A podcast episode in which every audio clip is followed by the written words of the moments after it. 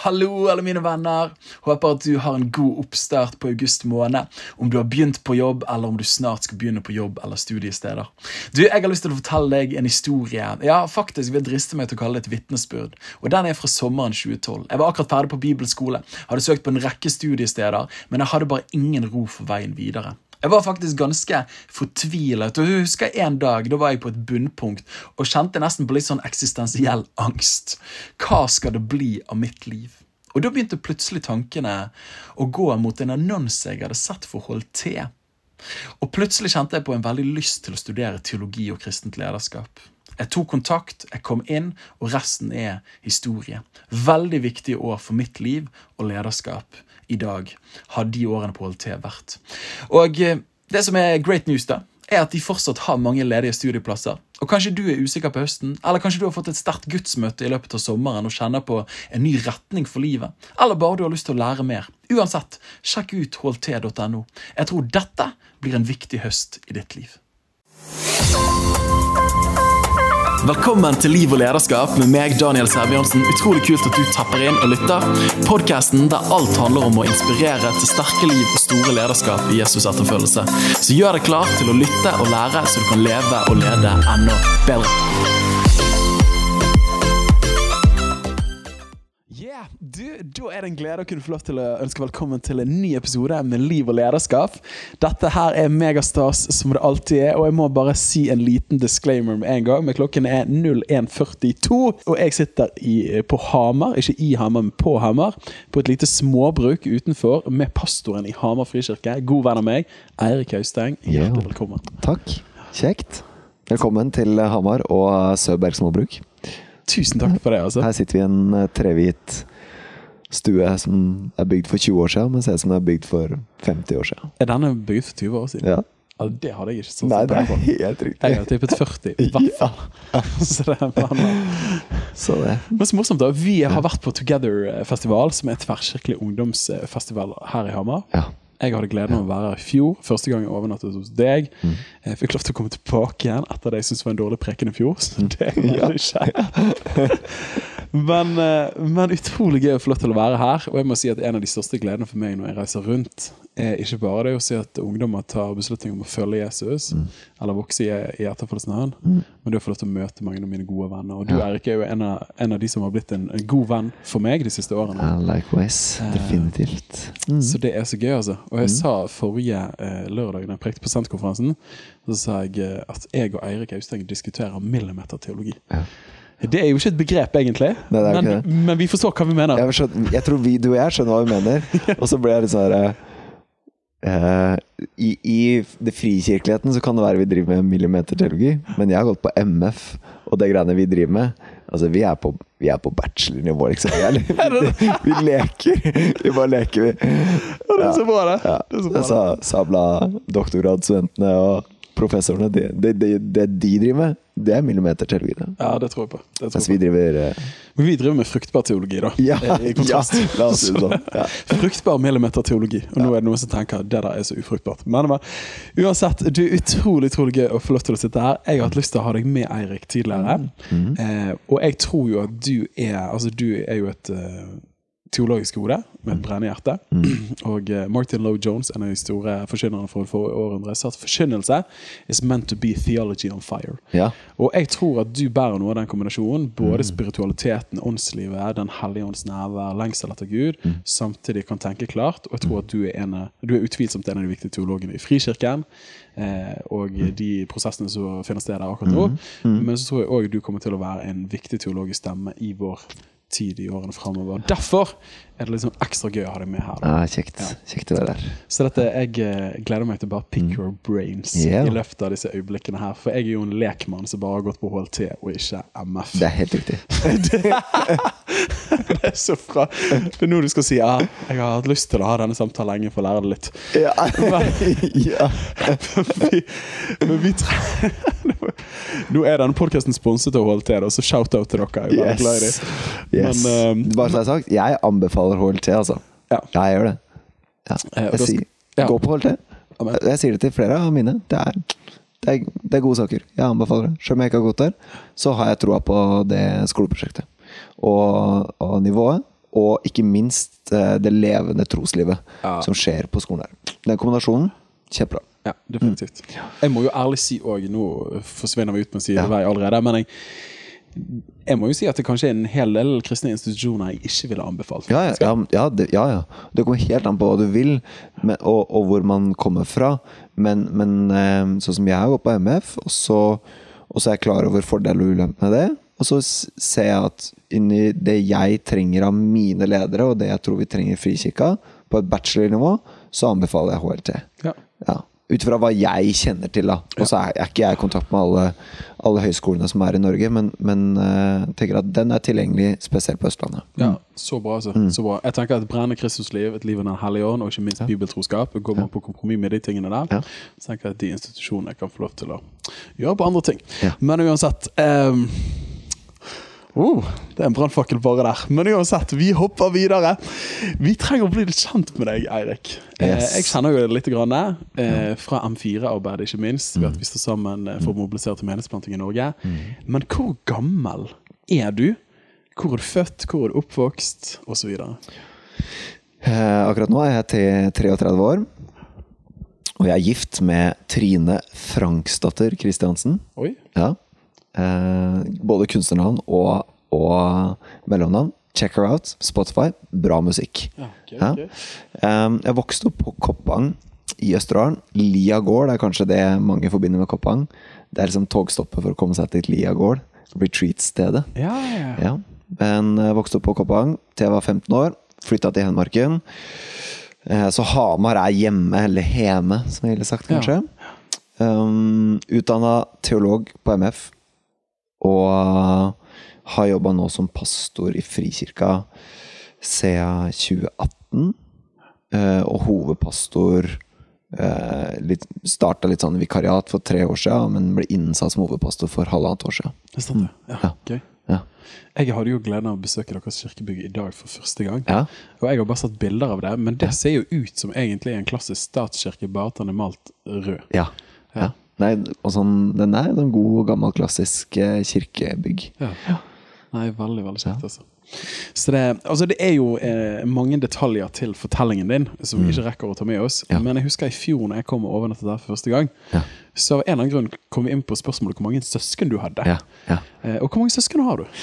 Nei, så jeg har elleve søsken, Du har elleve søsken. ja, og jeg er minst, da. Og jeg, så jeg og min tvillingbror Vi er minst i en flokk på tolv. Ta stykker, ja. Og det Det Det er ikke å anbefale. Hører du, Helene? Vi kan ikke få tolv, beklager. Nei, ja, nei men jeg er, jeg er, jeg er rett og slett minst i en flokk på tolv, altså. Hva er har, spennet da mellom eldst og yngst? er det 17 åra, tro? Jeg tror det er det. Tror, altså, mamma gikk jo mye gravid, da. En 17-årsperiode. Og så fikk hun tvillinger på slutten her. Og så er jo vi litt attpåklatre i tillegg, så det er fire år fra oss opp til neste. Det sant, ja. uh, så det, det er et gap der. ja. Mm. For da ble jo spørsmålet mitt når jeg stilte deg Fikk du svar på det spørsmålet, at dere var tolv søsken? Ja. Eh, tilhører dere en, eh, på en måte noen som gjerne blir kalt smittsvenner, men egentlig nå kalles BCC? Ja, Brunstad, ja. Ja. Eh, Ja, mamma og pappa var med i Brunstad. Um, og så De gikk ut av Brunstad da jeg var, jeg var vel, Det var vel det året jeg ble født, tror jeg. Så jeg har ikke Så du vokst har aldri opp. vokst opp? Nei. Nei. Så jeg har ikke hatt noen tilknytning til Brunstad. Uh, jeg har vært der en gang, liksom. Ja. På stevnestedet. Og så har jeg masse slekt. Men ingen i min uh, kjernefamilie. Det er jo teit å si det, men kjernefamilie, altså av oss 14, da. Så det er ingen som er i, er i Brunstad i dag. Mm. Og nå skal ikke vi gå inn på teologien rundt eh, den konfesjonen der, Nei. eh, som nylig har blitt en del av Norges kristne råd, Ja, som er jo veldig spennende, det kan man si. ja, det er håpefullt. Had, ja, Ja, nei, jeg, jeg ble veldig oppmuntra av det. Uh, og ikke sant, så jeg har jo Det er mye å si om, om eh, BCC sin historie, eh, på godt og vondt, men jeg har jo ikke vokst opp eh, som en del av noe historie. Så mitt forhold til BCC er jo egentlig helt fra sidelinja. Men jeg ser jo bare et egentlig ganske stort kirkesamfunn i Norge som nå på, kobler seg på det økumeniske, og ønsker å bli en del av det tverrkirkelige som foregår. Og det er håpefullt. Ja. Eh, og jeg, jeg, jeg tenker at eh, BCC kan ha noe å komme med. Og det er eh, eh, da tenker jeg at når man da kobler seg på, i hvert fall på et nasjonalt plan, så, så gir det håp. Ja. Um, så jeg er, jeg er veldig oppmuntra av det. Ja, Spennende. Da, nå skal vi ikke gå inn på teologien der, men jeg kjenner jo umiddelbart Når du sa det i fjor, så syntes jeg det var litt sånn artig, for jeg har ingen venner med den bakgrunnen. Nei. nei. Og så har jo jeg eh, drømt om mange barn, og ikke så mange barn. Nei. og du har vel vært tydelig med og sagt at det kommer et punkt der Ja. det på en måte ikke blir så kult med så mange barn. Ja. Men, eh, men type liksom bare middagsrutiner. Hvordan ser det ut, liksom? Altså, Din mor laget jo mye mat. Ja, det er mye mat. Og så Det er fascinerende. Altså, fun fact er jo kona mi har samme bakgrunn, så hun, dem er 14 søsken. Ja. Ja. ja. Um, så, så middag, eller måltid, er jo en case. Det som er, jeg, jeg husker ikke at vi var tolv. Jeg husker så vidt at vi var seks stykker hjemme. Okay, ja. Fordi ikke sant, I Østerdalen så det var ikke noe særlig videregående skoler, så folk, altså søsknene mine måtte flytte ut når de var 15 år. Ja. Um, men eh, jeg husker mye mat. Store kasseroller, liksom. Ja. Og, og mamma har vært hjemmeværende hele For Er ikke det nesten nødvendig når du har så mange barn? Jo, det, jo, jeg tror nesten det, altså. For det er jo familie AS. Ja, og så ble begge foreldrene mine ble førtidspensjonert. Jeg, eh, fra jeg var ganske tidlig. Pappa var rektor, husker jeg, på barneskolen da jeg var i første klasse. Og så ble han pensjonist, tror jeg, og ufør. Um, førtidspensjonist. Så jeg har jo vokst opp egentlig fra jeg var en sju-åtte år med begge foreldrene mine, altså mamma og pappa, hjemme. Um, så de har jo vært, de har vært Jeg har hatt de tett på hele livet, egentlig. Og det har vært godt. Eh, De, de lå og purka og sov, liksom, når vi dro på skolen. Ok, ja. Ja, ja. Så de var slitt ut i ja, der. Ja. Det, hva kan du si mye om det. Ikke sant? Pappa var småbruksbonde og lærer og, og hadde tolv unger, så han var jo, kroppen var sliten. Oi, jo, Um, altså. Jeg har tre unger og føler liksom Kyrie Elise og Hermes Kunde over meg. ja, det, Men tolv unger ja, før iPaden var funnet opp? ja, det er helt riktig. Så, så, men men for min del var det jo en trygghet da, at mamma og pappa de har vært veldig tilgjengelig. Spesielt for min del. Og så veit jeg at det var ganske annerledes for søstrene mine, de eldste. Um, og, og slike ting. Men um, Ja. ja, det, det har vært Jeg Så har jo vokst opp spesielt. Altså, men det du husker, er på en måte ikke Det er ikke liksom tolv søsken man husker, så man måtte liksom ha minibuss når man skulle reise. Nei, vi hadde minibuss. Ja, dere hadde Ja, vi hadde. ja, ja, vi hadde. Men, eh, men jeg husker ikke at vi var tolv. Nei. Nei. Nei, ok. Så flere av mine eldste søsken De ble jeg kjent med i voksen alder. Ja, du mener det? Ja, ja. Ja, wow. Ja. Du så utrolig interessant. Dette kunne vi hatt en egen episode om, men det skal vi ikke. Men, eh, men takk for et lite innglimt der. Mm. Jeg, eh, dette er jo en parentes, men jeg så at fertilitetsraten eh, for 2022 var det laveste noen gang i Norges historie, Ja. på 1,41. Ja. Det er jo en tragedie. Ja. Så dette, der mener jeg at vi kristne bør steppe opp gamet. Yes. Ja. Faktisk være bibeltroskap. Vær fruktbar, bli mange. Halleluja. Ja. Ja. yes. Men kanskje ikke tolv. Hvem vet? Hvem vet? Eller 14. Men uh, du, uh, en av de spørsmålene og, og de tingene som aldri slutter å gripe meg når jeg snakker med mennesker, er deres reise til etterfølgelse av Jesus. Kristus. Du kommer fra en slik bakgrunn, Mm. men du vokste aldri opp i den konteksten. Når ble troen levende for deg? Når ble Jesus en, en viktig realitet i ditt liv? Ja, det, jeg husker ungdomsmøtet. Det var em, jeg, var en, em, jeg var en del av et ungdomsmiljø her på Hamar. um, som vi um, eh, Da bodde vi fortsatt på Koppang, og mamma og pappa de betalte togbillett. Så vi tura fra Koppang til Hamar annenhver helg i to år. det? Nei, det er jo 12-13 mil, da. Så det var nesten to timer med tog på den tida. To timer Ja. tog. Annenhver helg. Eh, og så bodde vi hos venner, og jeg hadde en bror som bodde på Hamar. Litt sånn forskjellig. Um, og jeg husker et av ungdomsmøtene Uh, under lovsangen. Jeg tror vi sang He is exalted. Og jeg husker at jeg fikk Jeg hadde mer lyst til å fortsette i lovsangen enn å gå og spille bordtennis med gutta. Ja.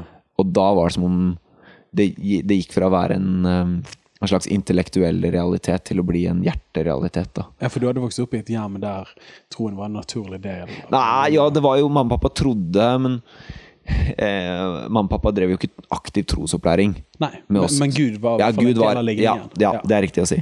Men, mm, og, men jeg, ikke søndagsskole, ikke barnearbeid, ingenting sånn. Så jeg, og i den grad vi var i kirke, så var det tre-fire ganger i året når vi dro til Hamar. Liksom. Så jeg har ikke vokst opp i et aktivt gudstjeneste eller menighetsliv. Det har jeg ikke. Men hva menighet var det det var naturlig å dra på ungdomsmøter i? Nei, det var, det, det var en menighet på Hamar som, som ble starta i forbindelse med et, eh, et, et brudd eller en splittelse i Smithsvenner på 90-tallet. Hvor det var mange her på Hamar som var en del av eh, BCC. Som eh, gikk ut av BCC på samme, omtrent i samme tidsrom, og så starta man en egen menighet. Ja, var det mer evangelisk? Eller Ja, baptist-ish, Baptist, ok, ja. evangelisk-ish. Ja. Eh, teologi. Og det var, det var et ganske bra ungdomsmiljø. Levende ungdomsmiljø. To vanvittig gode ungdomsledere. Han ene var visjonær og fyr og flamme, den andre var eh, pastoral og kvalitetsorientert. Så det, det ble veldig bra. og de, de, eh, de lagde ungdomskvelder for oss, og vi, vi deltok på det, og det var eh, helt avgjørende. Ja. Ja. Det, og på de ungdomsmøtene så starta det. Ja. Ehm, og, så, og så er det mye som har skjedd siden, men jeg husker den følelsen av å stå og så synge He is exalted, og at eh, nå vil jeg kun være her. Ja. Det var et møte med en hellige ånd, av Guds nærvær, og gjenkjenne at innenfor Guds ansikt, her, akkurat nå, så er det som det er her jeg skal være. Mm. Den resonansen av å høre hjemme da, innenfor Guds ansikt. Mm. Eh, og så Starter. Ja. Altså, hvor gammel var du på det tidspunktet? Nei, hvor gammel jeg? Kanskje mm, 13-14 år? 8.-9. klasse en gang? Ja. Og Ja. da gjør du deg den første erfaringen med Gud som du kan huske. Ja. Ja. Ja. Og det fra det punktet så ble troen, istedenfor at den var arvet, så ble det en valgt tro i større grad. ja. Og, og da en gradvis prosess, og så flytta vi fra Koppang til Hedmarken da jeg var i, skulle begynne i tiende. Så når vi da fylte 15 år, så kobla vi jo veldig på i det ungdomsmiljøet. Og ble veldig aktive. Og da var det jo Det var jo et år vi bodde i kirka mellom ungdoms, ungdomsmøtet på fredag og familiemøtet på søndag, liksom. Da, vi var i kirkebygget hele helga, liksom. Ja, ja, vi, det var en guttegjeng, og det, så det var jo kirka var kjempetrygg, og, og jeg ble veldig investert. Tidvis til mamma sin frustrasjon. Ja. Skjønte ikke at vi måtte bruke så mye tid. Det vi, altså. det var jo Men det var Det var der det var kjekt. Det var der vi hadde folk. Det var eh, godt å være på ungdomsmøter, og, og, og jeg var jeg, jeg hadde troa på greier, liksom. Jeg tenkte at det her er eh, Dette er bra, og jeg kan stå for det. Og var tydelig på skolen. Og, Ja. Og var jeg ikke på ungdomsmøte, så var jeg på fest med klassen, liksom. Og klin edru og satt og Ja. og var med på greiene, liksom. Men, men tenkte at eh, Og kjente at jo, det er her jeg vil være. Jeg vil, vil være trygt, eller godt inne, inne i kirka, men jeg vil også være godt inne i klassemiljøet. Og levde veldig godt i det spennet der, da. Så spennende. altså. Ja. Mm. Så at du møtte Gud her på Hamar, ja. eh, men nå tjener du som pastor her på Hamar i dag. Det er jo litt gøy. Det er jo nesten som cirka alle sluttet. Mm. ja, det er riktig. Ja. Men hva er noen av eh, høydepunktene eller knaggene, erfaringene mellom, Mellom det gudsmøtet når du var 13-14 til at du er pastor her i dag og er 33 år? Ja. Hvorfor tar teologiveien? Hva var kallet til tjeneste? ja. Ja. Um, Søstera mi tvang meg til å søke på en skole i Mandal Når jeg var ferdig, eller skulle bli ferdig på videregående. En annen skole som heter Hald internasjonalt senter. Uh, for jeg hadde, liksom, jeg hadde søkt på folkehøyskole, litt sånn, men hadde takka nei til alt. Og hadde bestemt meg for å dra ut og reise etter videregående. Men søstera mi var sånn Du må! Du må søke på den skolen. Det er det der du vil. Eh, og jeg søkte altfor seint og kom inn. Og endte opp uh, i Mandal med utveksling til Laos et halvt år. Og det var et tipping point. Uten tvil. Eh, Altså da inn mot kristen tjeneste? Eller ja, begge deler. Okay. Det var en møte med, med etterfølgelse på et nivå uh, Og en overgivelse på et nivå som var helt nytt for meg. Jeg hadde ikke vært borti så ja, så sterk og tydelig gudstro som jeg møtte av mange folka på skolen. Og møtet med kirka Laos var helt sinnssykt. De var jo de var jo klingerne. og de var så hvite, og det, var voldsom vekst, da. Og så var jo ikke vi der vi hadde jo ikke, Det er jo ikke lov å drive misjon i Laos, Um, så vi var jo der egentlig som observatører i seks, seks måneder. Altså, vi telte. Jeg hadde et snitt på 14 timer i uka hvor jeg satt i en kirkebenk eh, av tre og så på at uh, kristne laotere drev kirke. For jeg kunne ikke delta, eller Er bidra, sant? eller gjøre noe. 14 timer i uka. 14 timer i uka satt vi og så på. Ja. Og det var helt konge. Ja. Og det, var, det skjedde så mye. Så det året på Hall var kjempeavgjørende. Mm. Et, det kobla meg på NMS, som gjorde at da jeg flytta til Oslo etter hvert, så, så engasjerte jeg meg i Uranienborg kirke. Eh, gjennom noen relasjoner i NMS og NMSU, Norske Misjonsselskap. Uranienborgen kirke. Ur, ja, det er Den Eh. norske kirke i, på Oslo vest. Det er den norske kirke. Er det der han er godeste eh, helt overkommelig bibel Var Knut Veitreid var var ungdomsprest der. var ungdomsprest Ja. Så jeg kom inn etter Knut Veitreid. Ja, okay. Um, Var det litt menighetsmiljø der, da? Blant unge folk? Gikk det folk der? ja, ja. Det? Ja. Ja. Så det var ganske Det var bra trøkk på gudstjenesten. Og vi, når vi holdt på, så var vi en 20-30 unge voksne som drev ungdomsarbeid sammen. Ja. Så vi hadde masse konfirmanter. Vi hadde smågrupper for eh, tidligere konfirmanter. Ledertrening.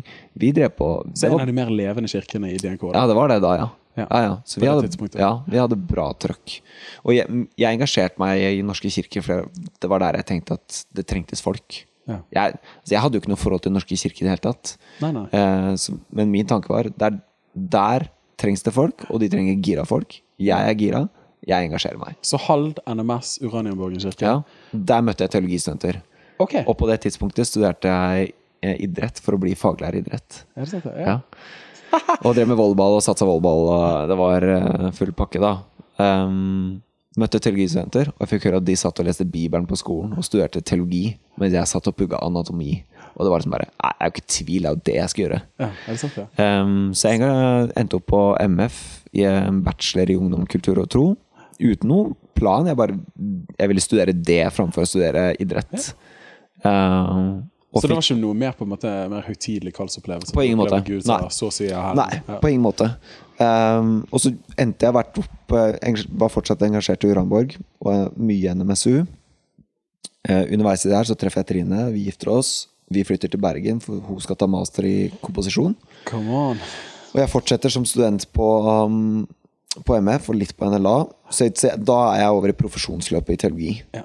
Eh, og, og fortsatt litt sånn av Av et bevisst valg, for jeg tenkte at Norske kirke trenger folk som er gira og motivert. Jeg er gira og motivert. Da er det Norske kirke. Men det var mye greier, og MF var eh, krevende og bra. Um, jeg kom jo fra en baptist-ish teologi, og så et møte med luthersk folkekirkelighet. Det var, um, det var ikke helt enkelt. Um, Nei, det tror jeg på.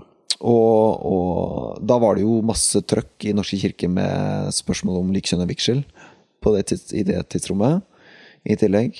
Og altså, tida på MF var um, lærerik, men veldig krevende. Og jeg hadde liksom bestemt for, meg for at jeg må gå den veien der, for jeg tror det trengs.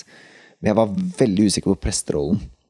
Mye fordi jeg jeg er altfor uh, spissformulert og visjonær til å være prest, egentlig. Den rollen passer jeg ikke inn i. Så du er ikke primært hyrde? Nei. Nei. Nei. Um, mer pioner? ja, definitivt. Så det var mye greier, da. Men eh, det her ender opp med, at når vi flytter til Bergen, så jobber jeg i Norske kirke som ungdomsarbeider på Sotra, i Fjell kirkelyd, sammen med Maria Tveten som ungdomsprest, som i dag er sogneprest i Follnes. Bra, bra dame, altså. Og kjempeflink ungdomsprest. Og vi 260 konfirmanter hvert år. Masse ungdommer som kommer til tro. Knallgøy. Um, og da går jeg på NLA uh, og MF samtidig. Og så sitter jeg en dag på NLA og leser Vårt Land i stedet for å lese Skjellsorg. Jeg holdt på å si istedenfor å lese Dagen. Ja. I alle dager? Lese Fortland istedenfor å lese Ja. Dagen. Nei, altså Men det har vært en endring. Det har vært en endring, ja. Vi kommer til det. ja, Etter på frikirkeligheten, da måtte jeg bytte. Ja, Da gikk det fra Vårt Land til Fikk ikke lov til å abonnere på Vårt Land lenger. Nei, men jeg satt og leste Vårt Land, og så så jeg en stillingsannonse hvor det var lyst ut medpastorstilling i Hamar frikirke. Ja. Og da sparka det i magen. Ja. Skikkelig adrenalinkick i magen. Altså, det var nesten som en gudsopplevelse. Ja, ja, ja, men det Altså, var det var ut av ja. det blå. Ja, ja, helt ut av det blå. Og jeg kjente til Hamar frikirke. Kjente folk der. Jeg hadde vært der et par ganger, men ikke noen sånn relasjon. Jeg ringte ungdomspastoren, så ungdomslederen som jeg kjente der, en kompis av meg. Spurte hva er greiene. Ringte pastoren, hva er greiene, hva skjer? Ringte Trine og sa det er en jobb på Hamar. Hun sa det er helt uaktuelt.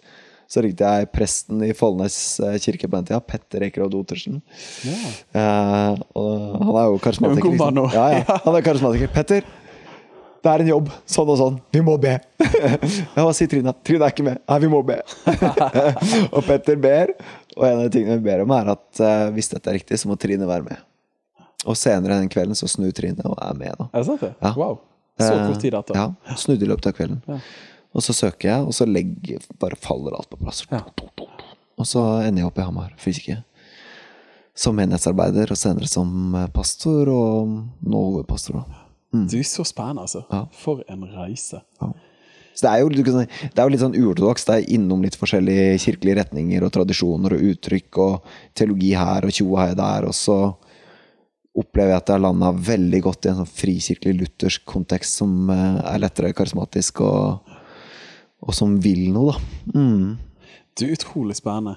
Jeg må jo si at noe Altså, Jeg har aldri fått eh, historien din i en slik detalj som jeg fikk akkurat nå, Nei. og de ulike leddene. Ja. Så det er veldig interessant. Og jeg må jo si at mange av mine pastorkollegaer, eller våre pastorkollegaer, har jo gjerne mer standardiserte løp, i den forstand at du vokste opp innenfor din kirkesammenheng, Ja. du vokste Ja. opp i en pinsemenighet, og så ble du med i ungdomslederteamet, så ble du ungdomsleder, og så fikk du etter hvert lov til å være litt sånn juniorpastor, og så ble du hovedpastor etter hvert. Så du har på en måte vært innenfor samme kategori hele tiden. Mens du har jo på en måte malt utenfor alle båsene. Ja, det. Eh, og det er jo på en måte ikke lov, men samtidig har det landet så bra. da. Ja, Eh, men det er jo også, altså, du har jo fått med en hel del erfaringer og refleksjoner Mm. som man ellers ikke ville hatt. da.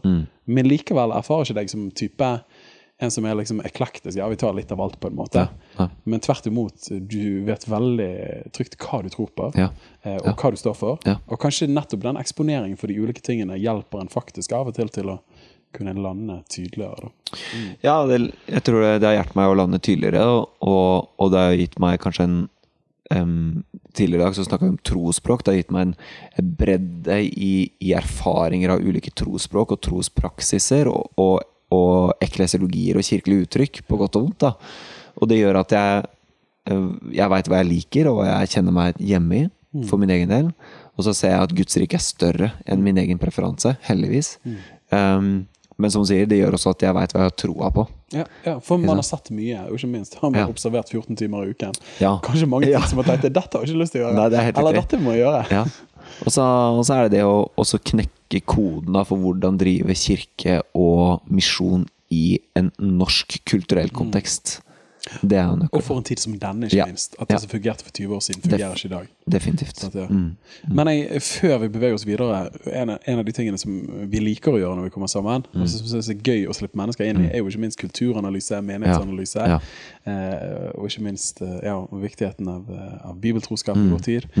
Men jeg, har, jeg husker jo for en del år siden da jeg møtte deg eh, Det har alltid vært givende samtaler, Mm. men i fjor da jeg møtte deg, og var her eh, Nå møtes vi flere ganger i året, men, da- men da husker jeg når jeg kom bort her, så har du nettopp vært på en tur i USA, du har hatt studiepermisjon. Ja. Og jeg erfarte at du vektla livet i Den hellige ånd på en måte som jeg ikke hadde sett tidligere. ja, men det stemmer. Og jeg merker når vi kommer sammen, så er det òg altså, troen på Den hellige ånds gjerning i dag. Ikke bare som eh, en bekjennelse i den tredje trosartikkel, men som en realitet. Hvordan har den reisen vært? Og hva har skjedd de siste årene? Ja, den har jo vært ganske Den har det, det er vanskelig ja, I den grad det har vært en reise fram til nå nylig. Det er litt Ja. Jeg hørte aldri om Den hellige ånd da jeg vokste opp. Um, så jeg har, ikke, jeg har ikke lært Den hellige ånd å kjenne. Ikke sant? Og Jesus snakker om det her i Johannes 14. Liksom, om, han bruker ordet 'kjenne om Den hellige ånd' som en person. Ikke sant? Og det å å bli trygg på det at jeg kan kjenne Den hellige ånd som en unik person i treenigheten, på lik linje som at jeg kan kjenne eh, Gud som far, eh, Guds sønn som frelser og herre, som levende, og Den hellige ånd som kraft, liv, men som en person også, da. Det, er, det har vært helt nytt for meg. Jeg hadde et teoretisk språk for det, delvis gjennom MF, men jeg, hadde et eh, lite veldig få møter med det karismatiske uttrykket. Var du skeptisk til karismatikk? Ja, det var jeg også. Nei, eller nei, jeg var ikke Eller bare dette er ukjent, så jeg vet ikke. Det er ukjent. Jeg var, ikke, jeg var skeptisk til det jeg gjenkjente som usunt, men lengten etter det jeg gjenkjente som sunt. Ok, Så du hadde en lengsel Ja, ja, ja, ja, ja. definitivt hatt en lengsel etter det. Men jeg visste ikke hvor jeg skulle begynne. Og jeg husker jeg, når vi bodde i Bergen, og, og, og sånne ting, så jeg husker at jeg ringte hjem til en jeg hadde bodd i kollektiv med. Han var karismatiker. Og bare Jeg er 25 år. Jeg har ikke peiling. Hvor skal jeg begynne å gå, liksom? Um, og hvordan skal jeg finne ut av greiene her? Så det har vært en lengsel, wow. men en veldig lite hjelp, da. Og tida på MF var ikke til hjelp i det hele tatt. Uh, og, og det er jo Det ja, og det er jo en av de tingene som jeg syns har vært krevende med studietida på MF. Det er mye der som var bra, men det som ikke var bra, Ja. det var at vi lærte ikke Den hellige ånd å kjenne som en person. Vi lærte om Den hellige ånd, og lærte å kjenne Gud i det liturgiske og sakramentale. Men Den hellige ånd i meg, Ja, som et liv. som et liv, som en person i meg. At jeg er Guds tempel, at Guds nærvær er i meg. Og hva betyr det? Og hvordan, når Jesus snakker om at jeg skal kjenne Han, som er et relasjonelt språk, sant? hva betyr det? Det lærte jeg ikke om på MF. Og, og, og det som i den grad det ble snakka om Den hellige ånd utover et teoretisk perspektiv, så var det ofte i, i et negativt tonelag, da. Sant? ja. Som gjorde at um, jeg, start, jeg vil si at jeg nesten starta på minussida Ja. i, i eh, forhold til Den hellige ånd. Og så, men som jeg sa, så har det vært en lengsel her. Og så kom jeg til Hamar, en menighet med masse, um, masse folk som har eh, vært aktive i Ungdom i oppdrag, som har en ganske karismatisk bevegelse. Ja. Ikke sant? Mm. Og masse, masse trøkk. Og så opplever jeg det som veldig godt. Eh, men jeg kommer kanskje litt i anfektelse for hvordan skal jeg lede en menighet videre i sitt liv med en hellig ånd når jeg ikke kjenner en hellig ånd sjøl? Ja, det skjønner jeg godt. Det skjønner jeg kjempegodt. du. Så, så en del uh, Uten at det har vært Det har ikke vært noe noe problem, og, og menigheten har vært veldig nådig og god mot meg der. Altså, så det har ikke vært noe det har ikke vært noe trøbbel eller utfordringer, men det er for min egen del da, kanskje litt anfektelser. Så hadde jeg studiepermisjon uh, i fjor vår. Det er spennende. Ja, og, det, og da hadde jeg to planer. Jeg skulle til USA og studere menighetsplanting Ja. og disiplering. Ja. Uh, Først på konferanse, og så til Portland og besøke Bridgetown uh, Church. John Comer. Yes. Kjent navn for mange Ja. i disse tider. Ja, definitivt. Og så skulle jeg hjem, og så skulle jeg lese NT Wright, teologi. Og så skulle jeg bruke tid i bønn og bli kjent med hele Det var planen. Yes. Kommer til USA, og fra første dag så handla alt om Den hellige ånd. Til og med på Exponential. Ja, ja, Exponential Conference. Det var helt konge. 5000 mennesker som står og ber for hverandre og profitterer. Og de, det er trygt, liksom. Ja. Det er ikke kaos, ikke hype. De tar det helt ned. Og dette er evangelikale bredden av USA. Ja da, det er Det- er ikke Kirismania. Ikke Kirismania i det hele tatt. Og de klarte å gjøre det så bra. Så sunt. Og jeg gikk på noe seminar med noen briter. Britisk karismatikk. Åh, Det er, det er så vakkert. Yes. Eh, som var veldig bra. Og så kom jeg til Portland og skal henge med han ene pastoren der, eh, Gerald. Og, og jeg hadde liksom bestilt Jeg vil høre om disipløring. Practicing the way. Altså hvordan disipløre en menighet gjennom praktiske rytmer og praktiske øvelser. Det var bestillinga. Og kommer dit, og det eneste de snakker om, er Den hellige ånd. er det sant? Ja, ja. ja, ja, det Men var, var dette etter Joe McComer hadde sluttet? ja, ja. Han hadde akkurat gitt seg, så han var på sabbat. Han var på sabbat, så jeg møtte ikke han. Nei. Og nye pastoren der, Tyler Staten, han Var ennå ikke kommet? eller? Jo, han var der, men det var noe sykdom i familie, så han var ikke til stede. Så jeg hadde ikke noe med dem å gjøre. Nei. Jeg, kom, hadde kun med Gerald, Gerald da, som er medpastor der. Ja. Som uh, ja, jo, Han jobber egentlig med folka. Okay, ja, Mens. Tyler Staten tar seg av visjon og, okay, ok, og forkynnelse. Men så han ville ikke snakke egentlig så veldig mye om praksiser? Eller ville han snakke men- mer om Det hellige liv? liksom, Ja, det var, det var som om han, han formulerte både tydelig og, og Eller uttrykt og uttrykt at um, At uh, det du leter etter, løsningen i praksiser, det finner du i livet i Den hellige ånd. At, at det er det med praksiser og sabbat og alt sånt, det har kommet via Den hellige ånd i oss. Og det, det, som menighet så virka det for meg som de var ganske ferske i livet med Den hellige ånd. At det, det er ikke mer enn en ti år siden de hadde begynt å søke livet med Den hellige ånd som menighet. Ja, for John McCromer har jo egentlig litt sånn evangelikal Cal- Calvary Chapel-bakgrunn. Ja, Ikke ja. veldig karismatisk i det hele tatt. nei riktig. Ja. Ehm, så så Gerald tar, tar meg egentlig inn i den historien der. Og så etter hvert så det ender det med at jeg blir med Gerald på deres husgruppe. Helt vanlig husgruppe. Middag og snakk om hva Gud gjør i kirka, og, og tematikken i forkynnelsen. Veldig fint. Veldig vanlig. Og så ber de for meg, fordi jeg var med som gjest, og det var fint, og noen deler noen profetiske ord. Og det var egentlig en ganske fin opplevelse. Og så er det Og så gir vi oss, og så er det ei av damene som blir veldig intens og ser på meg. Så spør, spør hun liksom Eirik, har du noen gang opplevd Den hellige manifestert? Og jeg sånn, Nei, det har jeg ikke, men sånn og sånn, og lengsel og tjo og hei, og fortalte liksom historien min, da. Så. Og så blir det sånn Nei, vi må be. Jeg tror Gud vil gjøre noe. Wow. Og så, og så ber de, og så tar de egentlig helt av. Eh, Altså, jeg, de tar av. nei, jeg tar av. Okay. Ja. Nei, det, og jeg beskriver det egentlig som at hele meg kommer i respons med Den hellige ånd. Mm. Hvor jeg får en fysisk reaksjon med et vanvittig adrenalinkick. Ja. Og jeg skjelver som et aspløv. Altså, det, det er to voksne mannfolk må holde meg oppreist for, jeg, for at jeg ikke skal klappe sammen. Og jeg um, jeg får en, en voldsom emosjonell reaksjon. At jeg, jeg, jeg gråter og hulker fra det innerste i det innerste i meg. Liksom. Altså, det er helt Uten at jeg helt veit hvorfor. Ikke noe sånn voldsomt som kom fram som men, men en veldig følelsesmessig reaksjon. Og så var det ikke en ut av deg sjæl-opplevelse. Jeg var helt til stede i det som skjedde. Ja, ja. Um, så jeg beskriver det som at hele meg, ånd, sjel og kropp, kom i respons med Guds nærvær. Det er noe vi kaller en manifestasjon. Da.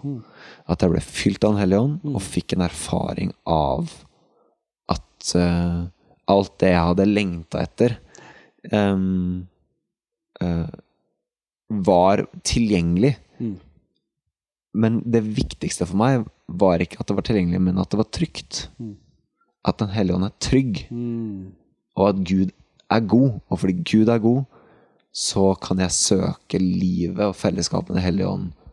Fordi han er god, han er trygg. Yes. Og at jeg ikke trenger å la det defineres. Eller jeg trenger ikke ta avstand i frykt for uttrykk, eller hvordan dette skal se ut. da. Men jeg kan bare søke fellesskapet.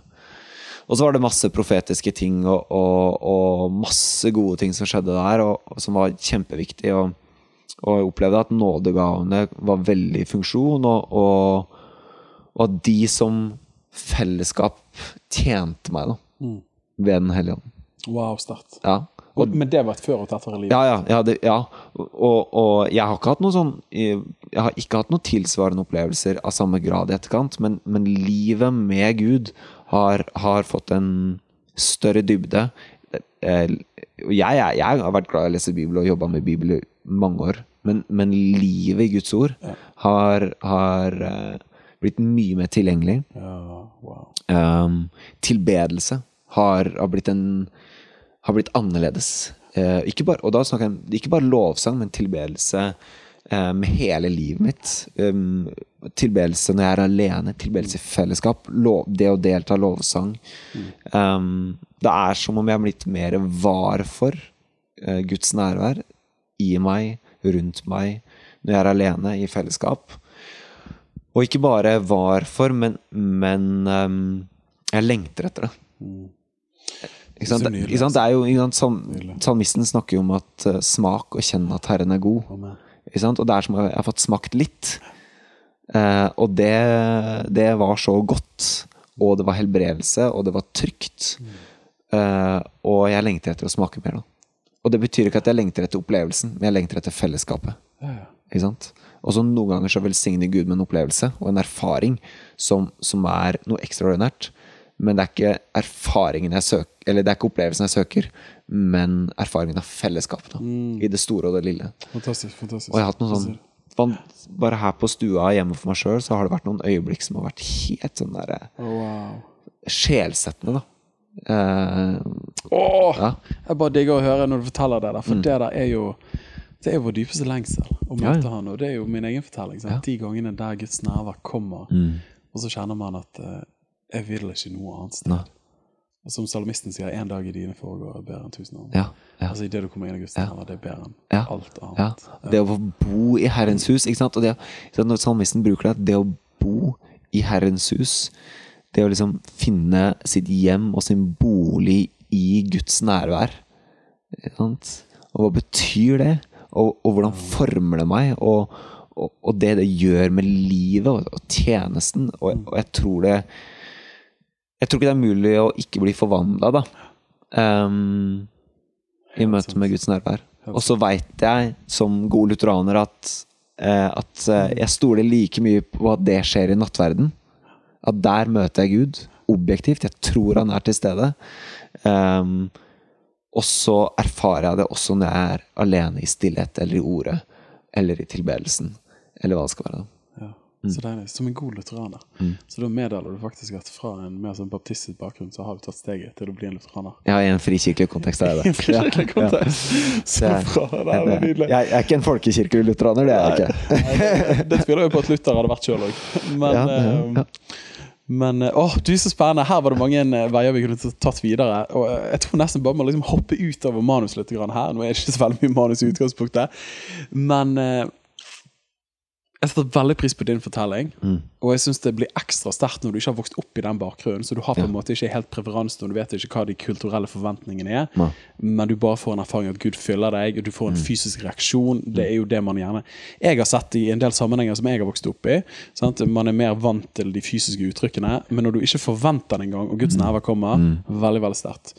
Jeg leste for en tid tilbake en som heter Carrie Newhoff, som er en, eh, liksom, en kjent eh, lederskapskonsulent i, i kristen verden. Har, eh, jeg tror det er mest eh, lyttede kristne lederskapspodkasten i verden. Ja, wow. på, Carrie Men han skrev en artikkel Why attractional church is fading and charismatic church is growing. Da Ja. hadde flere analyser innenfor Ja, der. da ja, wow. um, men jeg tror han treffer noe, da. Mm. At vi har levd i en tid som har vært litt eh, Altså Der attraksjonsmodell har fungert til en viss grad. Der det handlet om på en måte å facelifte kristendommen til en ny tid. Ja. Men så ser vi akkurat som den attraksjonsparadigmet har ikke helt gitt de fruktene vi ønsket heller. Nei. Eh, I den forstand at man gjerne har klart å få folk inn i et bygg. Ja. Og man har klart å vinne noen som var litt brent på den kristne troen. Men som Ja. noen har sagt, det er ikke flere brente barn å hente lenger, nesten. Nei. Vi må vinne folk. Ja. Og at vi lever i en kultur som er mer autentisk søkende. Derfor en veldig polert gudstjeneste appellerer ikke like bra med generasjon Z heller. Nei, nei, nei. Hva er dine tanker liksom, i møte med åndsliv i gudstjenesterommet? Ja, ja det, jeg, jeg tror jeg er inne på noe Altså, De attraksjonelle gudstjenestene, de, de store kirkene, de polerte kirkene, kommer jo egentlig ut som en reaksjon av med, med Gen X, da. Og øh, som var liksom lei det traustige, gamle, spesielt i USA. Eh, eh, og så De var frustrerte og lei, og så revitaliserte kirken gjennom fete gudstjenester, egentlig. Ja. Eh, og så kommer vi nå i det som er en eh, postkristen, og noen steder prekristen, ganske sekulært vestlig eh, kultur, eh, hvor det, det treffer ikke. Fordi de strengene de spiller på, resonnerer ikke med generasjon Z. Da. Og de har kanskje heller ikke referanserammene til de kjedelige, tradisjonelle gudstjenesteuttrykkene. Nei, nei, det er helt riktig. Så de må nesten introduseres for første gang. Ja, ja, Ja. faktisk. ja Og det er nesten så de kjedelige tradisjonelle er mer attraktive enn de andre, fordi det oppleves som annerledes. Ja, det er Eh, et godt poeng. Ja. Eh, det er jo, ikke sant, Den katolske kirken i Norge er jo i kjempevekst. Eh, det er mange grunner til det, men jeg tror en av grunnene er jo nettopp fordi det er autentisk og uforanderlig. Ja. Eh, også blant eh, unge nå. Mm. Um, eh, ja, altså ja. Livet i Den hellige ånd når vi kommer sammen. Mitt utgangspunkt er at gudstjenesten er ikke hovedstedet for misjon. Gudstjenesten er for de hellige, av de hellige. Eh, det er det Luther kalte samlingen av de hellige. Når jeg leser eh, Nytestamentet, og når jeg leser spesielt tidlig kirkehistorie, så ser du at gudstjenesten de hadde søkende og ikke-kristne til stede. Men f.eks. da nattverden skulle feires, så måtte de som måtte de ikke var døpt, Ja. de måtte forlate. Eh, så de, de kunne delta i tilbedelsen og forkynnelsen, men fellesskapet, det som var menigheten, det var de døpte. Og Så kan man si mye om det, men det var ikke lavterskel. Nei, på ingen måte. Nei, og jeg tror at den attraksjonelle modellen har tenkt at hvis vi gjør kirke lavterskel eh, nok, så, eh, så bygger vi Guds rike. Da får vi flere med. Ja. Ja. Og jeg kjøper ikke det, fordi blant annet som du sier, da får du flere med. Men vi er ikke kalt til å samle x antall mennesker. Vi er kalt til å gjøre disipler. Og For for, for å gjøre disipler så må fellesskapets offisielle samling gi mat til, Til disiplene. disiplene. Ja, definitivt. Men språket og innpakningen bør gjøres på en måte slik at de som ikke eh, er helt innafor, i hvert fall kan henge med på noe. Men vi, de kommer ikke til å henge med på alt, og det er greit.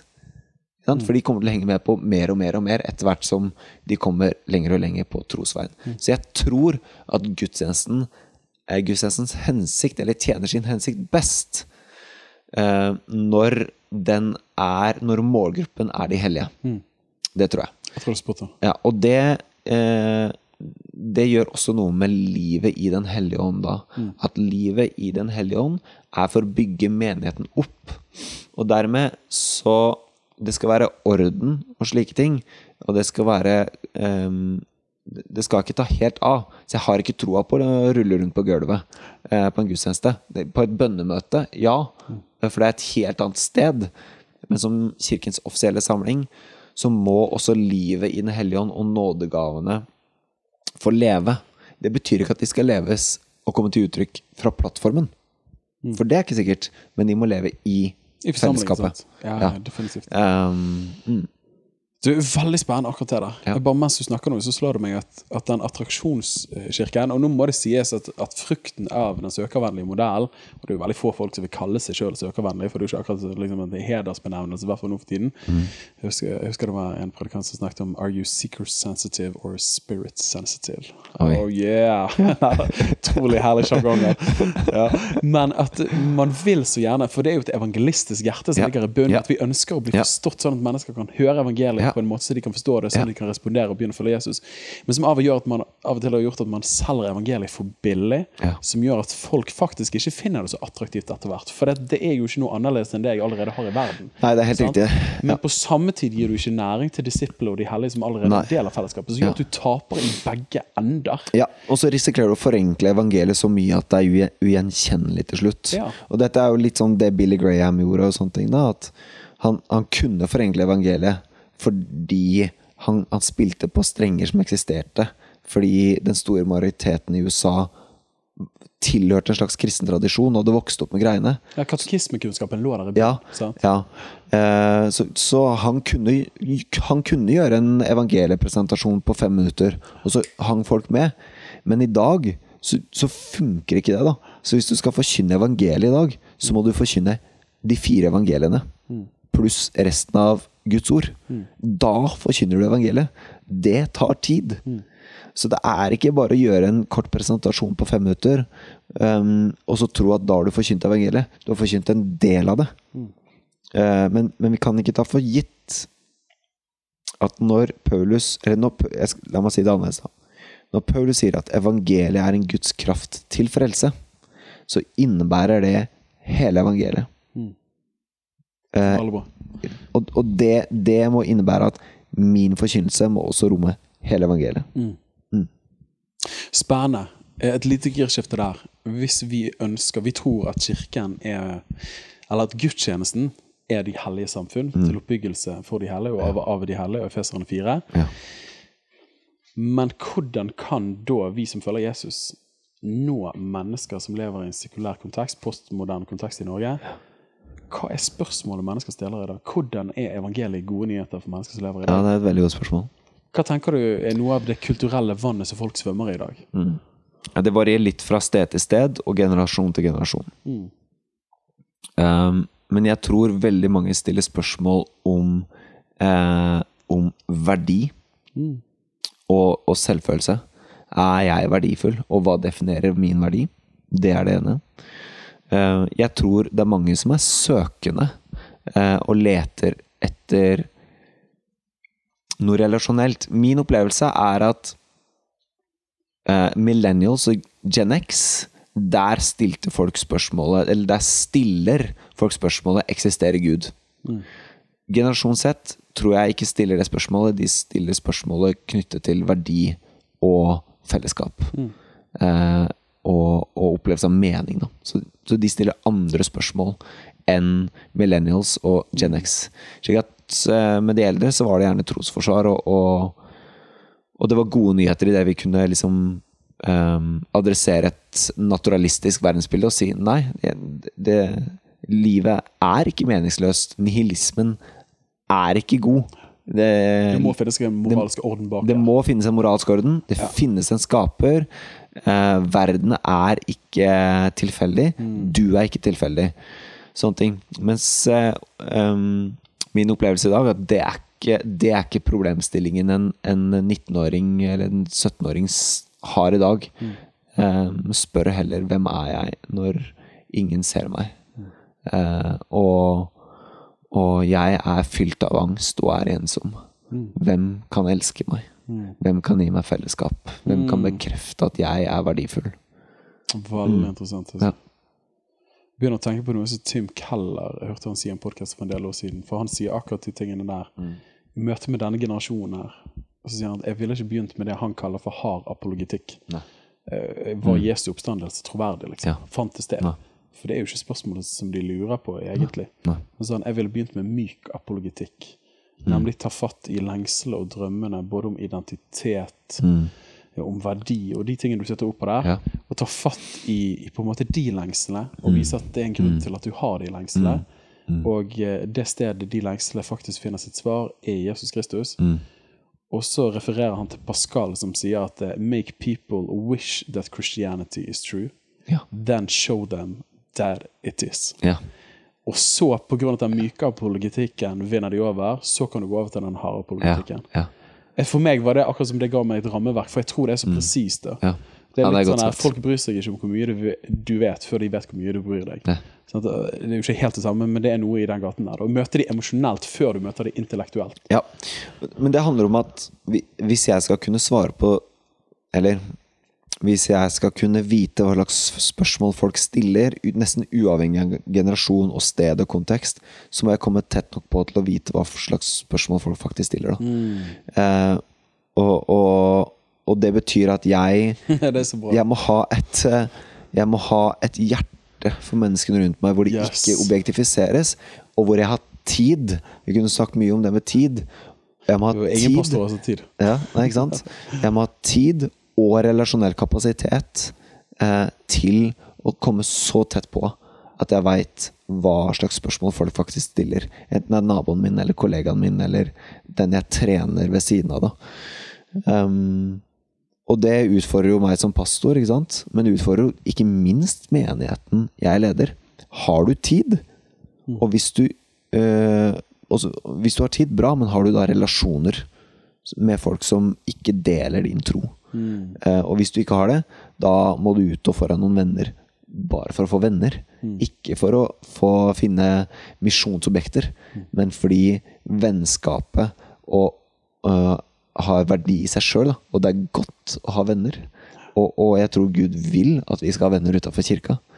Um, så det, så det, det, er noen, eh, det er noen prioriteringer her vi må gjøre da hvis vi skal komme så tett på at vi, skal, at vi kan vite hva slags spørsmål folk stiller. og når vi kommer dit, da, at um, vi er tett nok på, og relasjonen er der at vi veit hva slags spørsmål folk stiller, da er det jo naturlig å begynne å prate. Da er det naturlig dialog, og da snakker vi om naturlig eller vennskapsevangelisering. Det er ikke påtrengt, det skjer relasjonelt, det skjer organisk Over tid. over tid. Og det er greit. Og så hender det at Gud gjør ting, og det hender at eh, det profetiske lever, og du får ting som, som treffer, og du får innblikk og visdom som gjør at du kan gå mange steg på en femminutters samtale. Og det er konge. Men for de aller fleste så, så er det en lengre relasjonell prosess. Da. Og da må jeg da må jeg forholde meg til både det, men jeg lengter også å leve så tett med Den hellige ånd at jeg rommer de spontane øyeblikkene hvor Yes. Gud kan gjøre noe drastisk på kort tid. Da. Ja, veldig bra sagt. Mm. Veldig bra sagt. Så jeg må ha begge deler. Og jeg må, jeg må romme begge deler, og jeg må leve ut begge deler, og jeg må søke begge deler. Mm. Bra så. Mm. Skrev i notatboken min i fjor så skrev jeg at Gud endrer oss gjennom punkter og prosesser. Ja. ja. Og det er akkurat det du sitter oppe Ja. Altså at um, Det å være villig til å vandre med mennesker over tid Mm. i vennskapelige relasjoner, men samtidig også forvente å være åpen og lengte etter de øyeblikkene der du får det kunnskapsordet. Ja. Så Ja. åpne opp hjertet til den Ja. personen, sånn at de kan høre evangeliet og Ja. respondere. Ja. Mm. Veldig spennende. altså. Jeg syns det var interessant det du sa, og det er jo ganske åpenbart, men skal vi kunne nå mennesker i dag, så må vi faktisk ha tid til Ja. å lytte til mennesker Ja. i dag. Og det Ja. går jo den der vitsen. Eh, svaret er Jesus. Eh, hva var spørsmålet igjen? Mm. Sant? Og det er jo på en måte gjerne den tilnærmingen som mange av oss tar. For at, ja, men Jesus er jo svaret. Mm. Ja. Eh, Hva var problemet? Ja. Og så bare sånn ah, men det funker ikke, for at Jesus må appliseres og anvendes til de spørsmål. Ja. Men da må vi ta oss tiden til å høre de spørsmål. Ja. Så det? Du har jo prekt om sabbat i dag, og jeg skal preke om sabbat på søndag. Og, og jeg, det har slått meg da hvor mange jeg kjenner som sier at de er travle når jeg spør hvordan det går. mm. Jeg har det bra, men det er travelt. Og tenk, Hvis det er standardsvaret vårt, liksom, hvorfor i all verden skal Gud sende mennesker i vår vei da, som vi kan elske og komme tett på? Mm. Hvis utgangspunktet vårt er at vi har det travelt. Og jeg kjenner jo ingen som ikke sier det. Og, jeg, og, og det har jo begynt å si Det har jo gjort at jeg har begynt å Jeg slutta å si at jeg har det travelt. Ja. Det er så vidt jeg sier at jeg har mye å gjøre. Men, men jeg Men det er nesten for å gjøre en bekjennelse for din egen Ja, for andre. Ja, det er helt riktig. Ja. Um, men det, som, det det har gjort, er jo at jeg har begynt å reflektere over Men har jeg det egentlig så travelt? Og så har jeg innsett at nei, jeg har Jeg har masse. Altså, jeg er pastor, og jeg har et småbruk, og jeg har en over gjennomsnittlig stor familie. Det er ikke manko på ting å gjøre og ta seg for det. Men i fastetida nå så har jeg lagt fra meg alt av sosiale medier og nettavis. Og det er utrolig hvor mye tid jeg plutselig sparer når jeg ikke har en telefon å holde på med. Det er, det er sånn herre Helt sant. «Nei, nei, Vent, jeg har Jo, jeg har masse, men jeg har egentlig tid. Og må ikke henge med på The Kardashians. Og, Nei, det er helt riktig. Så det er, det er sånn der, men, men det er jo Så jeg tror egentlig at vi har tid, men vi fyller tida vår med tidstyver. Ja, og distraksjoner. Og, og, og, og da ble det sånn her eh, Kanskje noe av det viktigste jeg kan gjøre i min jobb, er å hjelpe oss å ta tak i de tingene. Ja. Slik at jeg kan legge til rette for det Gud vil gjøre i og gjennom oss. Da Det er så spennende, altså. Du, klokken løper jo inn i de små timer her. Det er jo ingen tvil om det. Jeg har aldri i mitt liv spilt inn en podkast nærmere tre på natten. Men det er nydelig! I love it! Jeg må si at jeg er ganske imponert over hvor, eh, hvor skarp i tankene og i formuleringene du er, og jeg òg for så vidt, så seint på natten. Så dette det er jo veldig artig. Det, smell kommer i morgen under morgenmøtet. Yes. men, eh, men noe vi må snakke om i dag, og det vet jeg eh, du har vært veldig engasjert i, men du har en sentral rolle i Frikirken eh, sentralt i Norge. Eh, Det er ikke til å stikke under en stol at det har vært noen brytninger der, eh, som går på samlivsspørsmål og de tingene. Hva kan man Ja. åpne opp for, osv. Ja. Vi begge står jo veldig trygt plantet på klassisk grunn. Eh, Men bibeltroskap Mm. Hvorfor er det viktig i en tid som denne her, og hva er egentlig bibeltroskap? ja, hva er det? Og snakker vi, når vi snakker om samlivsspørsmål, er det egentlig noe annet vi snakker om? Ja, det, ja, det er et veldig godt spørsmål. Det er kanskje en fin innledning. Ja. Nei, altså Min opplevelse når jeg har involvert meg i den delen av den teologiske samtalen, er at uh, samlivsspørsmålet Altså om eh, vigsel av likkjønnede og tjeneste for likkjønn og sånne ting, det er egentlig bare uh, et um, eh, det er egentlig Det er kanskje feil å kalle det et symptom, men i mangel på et bedre ord, da, så, så, er, så er egentlig det bare et symptom av en rekke andre prosesser, underliggende prosesser. Og stort sett så er Hvis du koker det helt ned, så går det på bibelsyn, da. Ja. Det, det, min erfaring så langt er at eh, mange i frikirkeligheten fortsatt forholder seg til denne samtalen som om det er Norske kirke som diskuterer den. Uh, mens i, i frikirkeligheten i dag så så hører du mer og mer at eh, folk sier de er konservative i sitt bibelsyn, men vil fortsatt vie likkjønna. Mens i norske kirke, ikke sant, når, jeg var en del, når jeg var på MF, og sånne ting, så var det ingen som sa det. Det var ingen som påstod at de var konservative og ville vie likkjønna. Det, det var jo liksom Men går det an? Er ikke det en ja, det, er, dissonans? Liksom? ja, det, det er jo det mm, Det er jo det Jeg ville jo kanskje sagt det, da, men, én en ting er at jeg må fortsatt forholde meg til at eh, i min egen kontekst så opplever folk at de er konservative, men har endra syn i dette spørsmålet. Og noe av det jeg engasjerte meg i da, er ikke nødvendigvis å diskutere selve spørsmålet, men å klargjøre alle premissene rundt det spørsmålet. Mm, altså forståelse av kirke, eklesiologi, forståelse av Bibelen, eh, forståelse av etterfølgelse.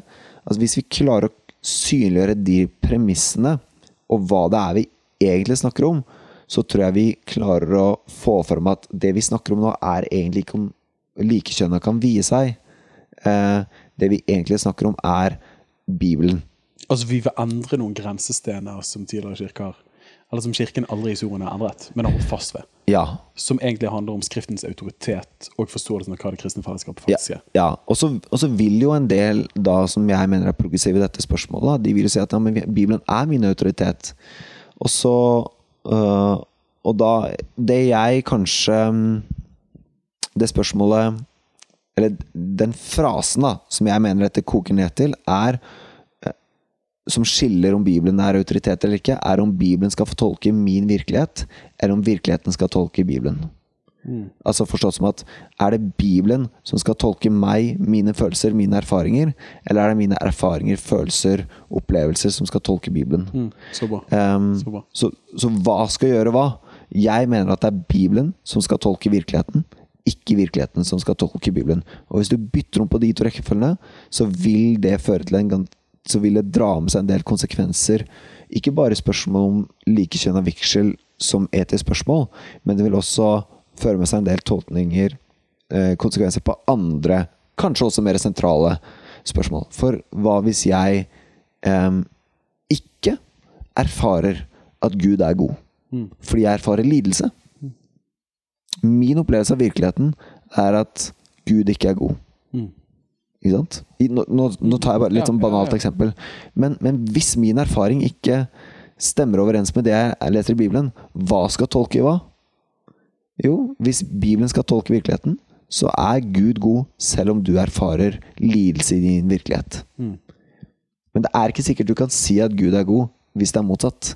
Nemlig at din virkelighet skal tolke Bibelen. Helt sant. Så, så, så det er, der mener jeg at eh, det er et kjernespørsmål å stille seg. Hva skal tolke hva? Og jeg mener at hvis du går vekk fra at Bibelen skal tolke min virkelighet på alle punkter Alle punkter um, Hvis du går vekk fra det, så har du tatt et steg i bibelsyn som jeg eh, får problemer med, da. Mm.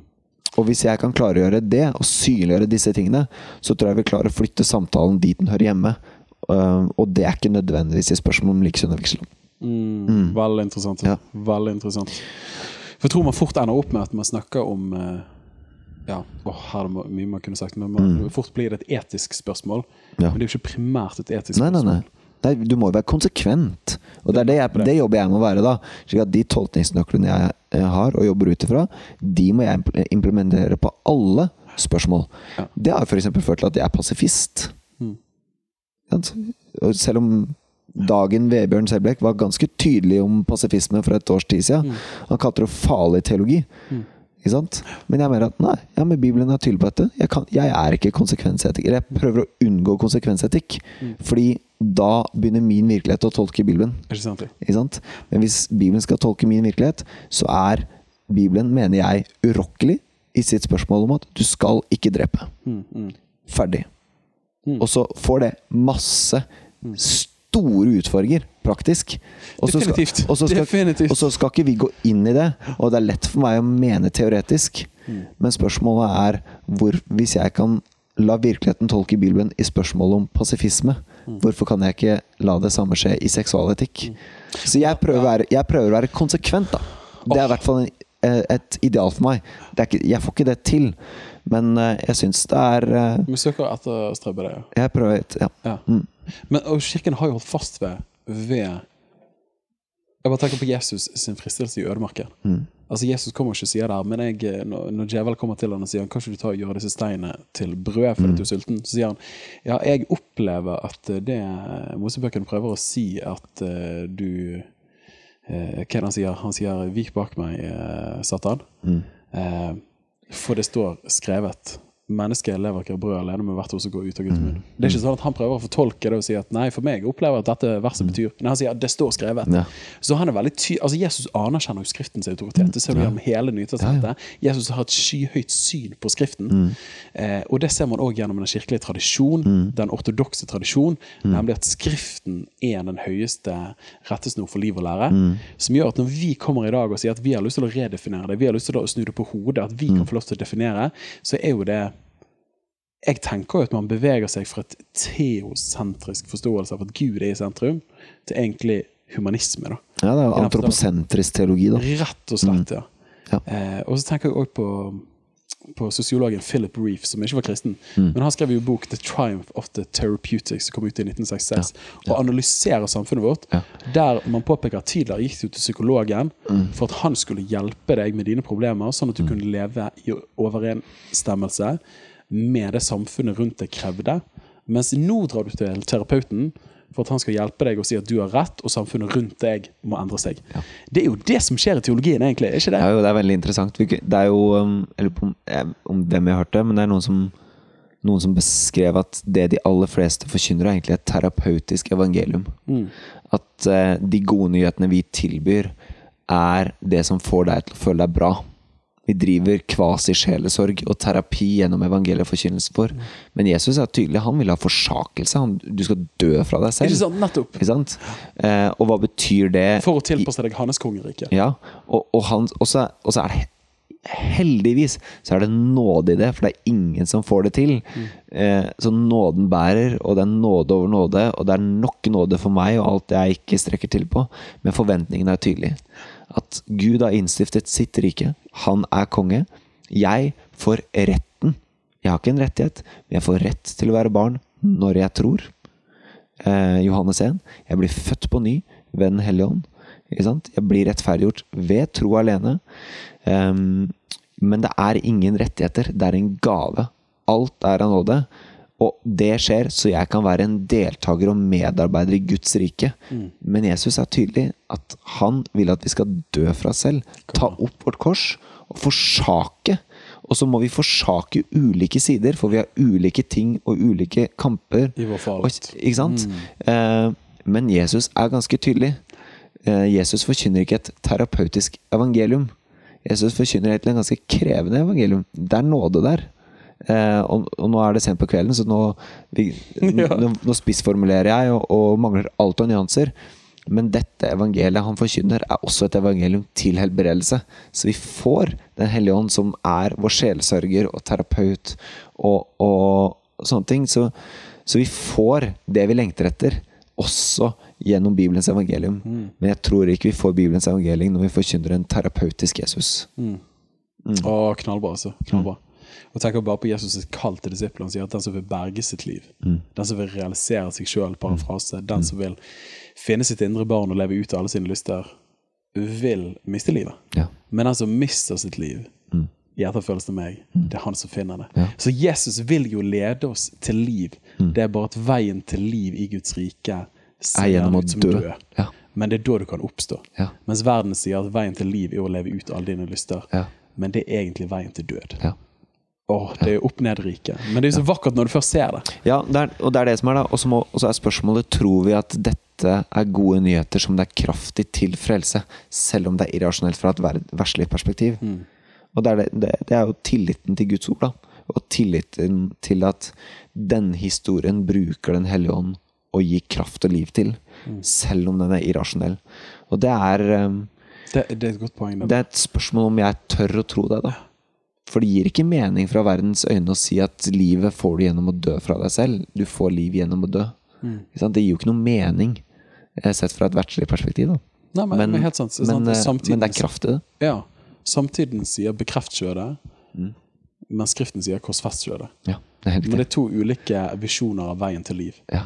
Men der tenker jeg nesten Altså Det er nesten en korrigering, men òg en kritikk til oss som ønsker å være bibeltro, Mm. være åndsfylte, er at kanskje folk har sett for lite livsforvandling Mm. gjennom evangeliet vi har forkynt, og praksisene vi har gjort. Det tenker jeg er en kjempeutfordring til oss. da Ja.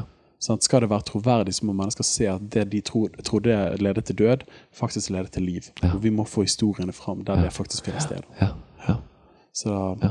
Du, eh, siste spørsmål som jeg alltid pleier å stille mine lyttere, Ja. det er eh, Visjonen i denne podkasten er å lede mennesker til sterke eh, liv og store lederskap i etterfølgelsen av Jesus. Mm. Men hva vil være ditt fremste råd til lyttere, og da særlig unge, for nettopp å leve sterkere og lede større i etterfølgelsen av Jesus?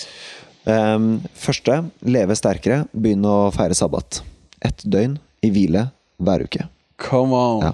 Det, og det mener jeg er eh, Jeg tror ikke du kan leve sterkt i dag i Jesus' rettfølelse uten å hvile et døgn i uka. Og så kan du lese John Mark for å finne ut av hvordan du skal hvile. Eller AJ Swoboda. Men, men poenget er, for å leve sterkere, så trenger vi å hvile. Og det er en ordning, og det er en gave. Og det er liv og helbredelse i hviledagen, altså. Uh, uh, og det andre spørsmålet var lede sterk... Lede større. Lede større. Ja. Um, Da influere. og influere. Mm. Um, finn din nådegave. La den komme i funksjon som del av et fellesskap. Vær frimodig på din nådegave og dine styrker, og ydmyk og ærlig på dine svakheter og styrker. Eh, la det komme til funksjon. Eh, lev det. Tren det. Mm. Eh, da tror jeg du vil få Da vil du finne din plass, og da kommer du i kontakt med kallet ditt eh, og behovene rundt deg, i menigheten og utafor menigheten. Ja, jeg tror det er, jeg tror det er nøkkel. Jeg tror dine styrker, dine gaver, finn ut av det, lev det, vær trygg i det, eh, og balanser det med en karakter. Ja. Fordi det er en nådegave. Den er aldri fortjent. Den sier ingenting om din gudsrelasjon. Alltid gratis. Alltid ufortjent. Det er en gave. Men når du finner den, og gir den får sin plass sammen med alle andre gaver i Guds, eller på Jesu kropp, og du proporsjonerer det proporsjonalt med en karakter da, som utvikles, da vil du få influere. Utrolig spennende. Praktiser sabbat for et sterkere liv. og Finn din nådegave og lev den ut i samsvar med din med karakter. For å lede større. Mm. Helt nydelig. Du Eirik, dette har vært så gøy. Dette er jo bare et lite innglimt eh, for folk i mange av samtaler vi fører. Ja. Men tusen, tusen takk for tiden. Takk for at du lyttet inn til Liv og lederskap, og håper at du ble inspirert til å leve sterkere og lede større i Jesus etterfølgelse.